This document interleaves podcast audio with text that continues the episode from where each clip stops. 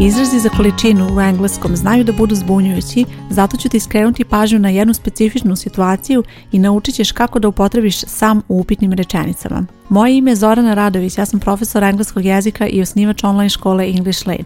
Ovo što slušaš je English Lane podcast gdje pričamo o korisnim savjetima i lekcijama za učenje engleskog jezika. Pa da krenemo sa epizodom broj 116, ovo je epizoda u kojoj ćeš naučiti kako da upotrebiš sam u upitnim rečenicama. Sam je izraz za količinu u engleskom i vrlo često se ta reč uopšte ne prevodi, a ako se prevodi, prevodi se nešto malo nekoliko i ono što je specifično za ovu reč, što ćeš naučiti kao pravilo kada učiš izraze za količinu je da se sam koristi u potvrdnim rečenicama. Poslušaj sada primjere. We have some milk in the fridge. Imamo mleka u frižideru. Ili možeš reći imamo malo mleka u frižideru. Sljedeća rečenica There's some sugar in the jar ima šećera u tegli. Ili opet možeš reći ima malo šećera u tegli. Obe ove rečenice su potvrdne i u njima se koristi sam i to je izraz za količinu koji određuje neku neodređenu količinu i kada želiš da pričaš o takvoj količini koristiš reč sam. Drugo pravilo koje ćeš naučiti za izraze za količinu je da kada imaš upitnu rečenicu, onda upotrebljavaš any umjesto sam. I onda rečenica glasi ovako. Do we have any milk in the fridge? da li imamo mleka u frižideru ili da li imamo malo mleka u frižideru. Dakle, značenje koje prenose ove dve reči je manje više isto, neka neodređena količina, malo, nešto, nekoliko ili se ne prevode, ali je razlika u tome što sam koristiš u potvrnim rečenicama, a umjesto sam u upitnim koristiš any. Druga rečenica, is there any sugar in the jar? Da li ima šećera u tegli? Ili da li ima malo šećera u tegli? I sada kada učiš engleski jezik, kada čitaš tekstove i vidiš primjere rečenica, vrlo često ćeš naći, na primjer upitne rečenice u kojoj će biti sam. I naravno, ovo će izazvati dilemu kod tebe, zapitaćeš se kako je sad tako kada znaš da je pravilo da se sam koristi u potvrnim rečenicama, a da u upitnim koristiš any. Međutim, postoji ta specifična situacija. Sam može da se upotrebi u upitnim rečenicama kada se očekuje potvrdan odgovor ili kada se nešto traži pa se zato očekuje potvrdan odgovor.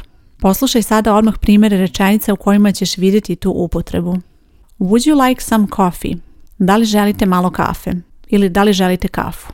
Dakle, sam opet može da se prevede, a može da se izostavi prilikom prevođenja, ali na engleskom je ova rečenica vrlo specifična po tome što je koristiš kada želiš da pitaš nekoga, da ponudiš zapravo nekome kafu, da li želi neko kafu, odnosno ti nudiš kafu i očekuješ naravno potvrdan odgovor i u takvoj rečenici se koristi sam, iako naravno to odstupa od pravila, ovo je upitna rečenica, ali koristi se sam. Would you like some coffee? Sljedeća rečenica Could you give me some examples?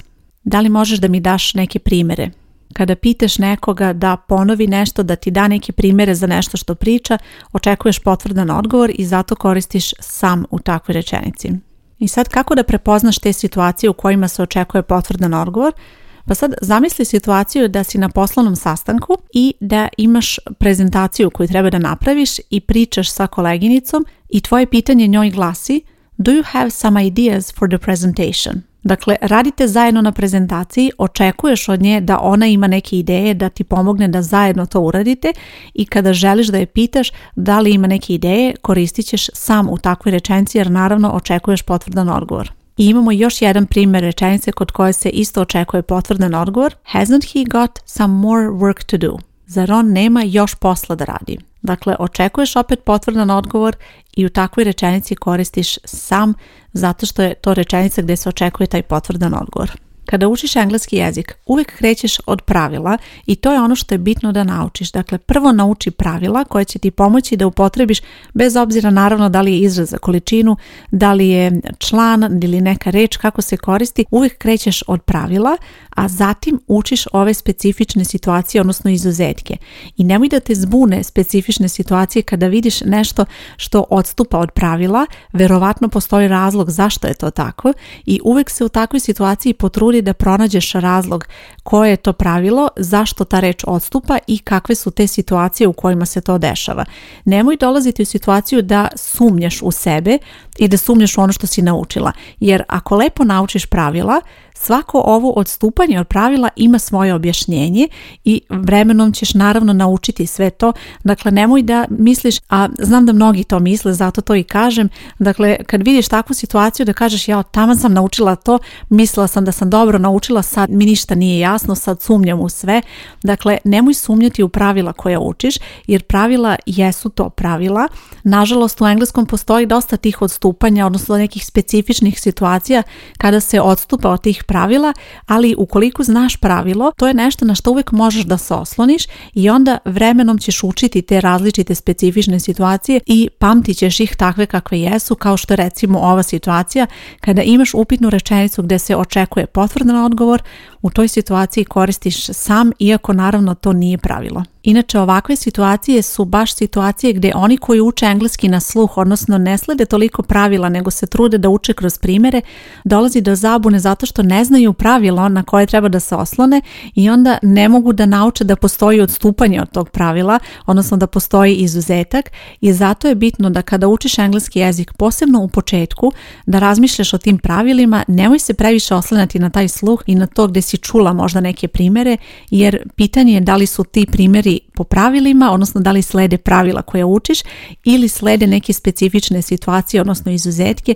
jer to je nešto što naravno nećeš moći da znaš u početku. Vremenom naravno i ti ćeš da stekneš taj sluh, odnosno imat ćeš situacije kada ćeš prepoznati neke primere, prepoznaćeš izraze i moći ćeš da kažeš da da znam to se tako kaže, već sam videla takve slične situacije i plus znam to pravilo, znam da je to zbog toga, zbog ove situacije. Dakle, vrlo je bitno da razumeš sve što učiš jer to je ono što će ti omogućiti da pre svega znaš ono što učiš, možeš da primjeniš dalje kako napreduješ i možeš sve to da objediniš i upotrebiš u konverzaciji. Kada koristiš sam, bitno je da zapamtiš da se ta reč koristi u potvornim rečenicama, a postoji i ova specifična situacija u kojoj ćeš samo upotrebiti u upitnoj rečenici samo u situaciji kada očekuješ potvrdan odgovor i nadam se da ti ova lekcija bila korisna da razumeš kako da upotrebiš tu reč. Ukoliko nisi član moje škole, a želiš da nam se priključiš, želiš da učiš engleski preko interneta uz kurseve na kojima je akcenat na tom kvalitetnom učenju i razumevanju svega što učiš, možeš nam se priključiti na ovoj stranici stranici gdje slušaš podcast bit će link ili možeš potražiti English Lane online škola i tu ćeš pronaći sve detalje. Hvala ti što slušaš podcast. Moje ime je Zorana Radović i čujemo se uskoro. Ćao!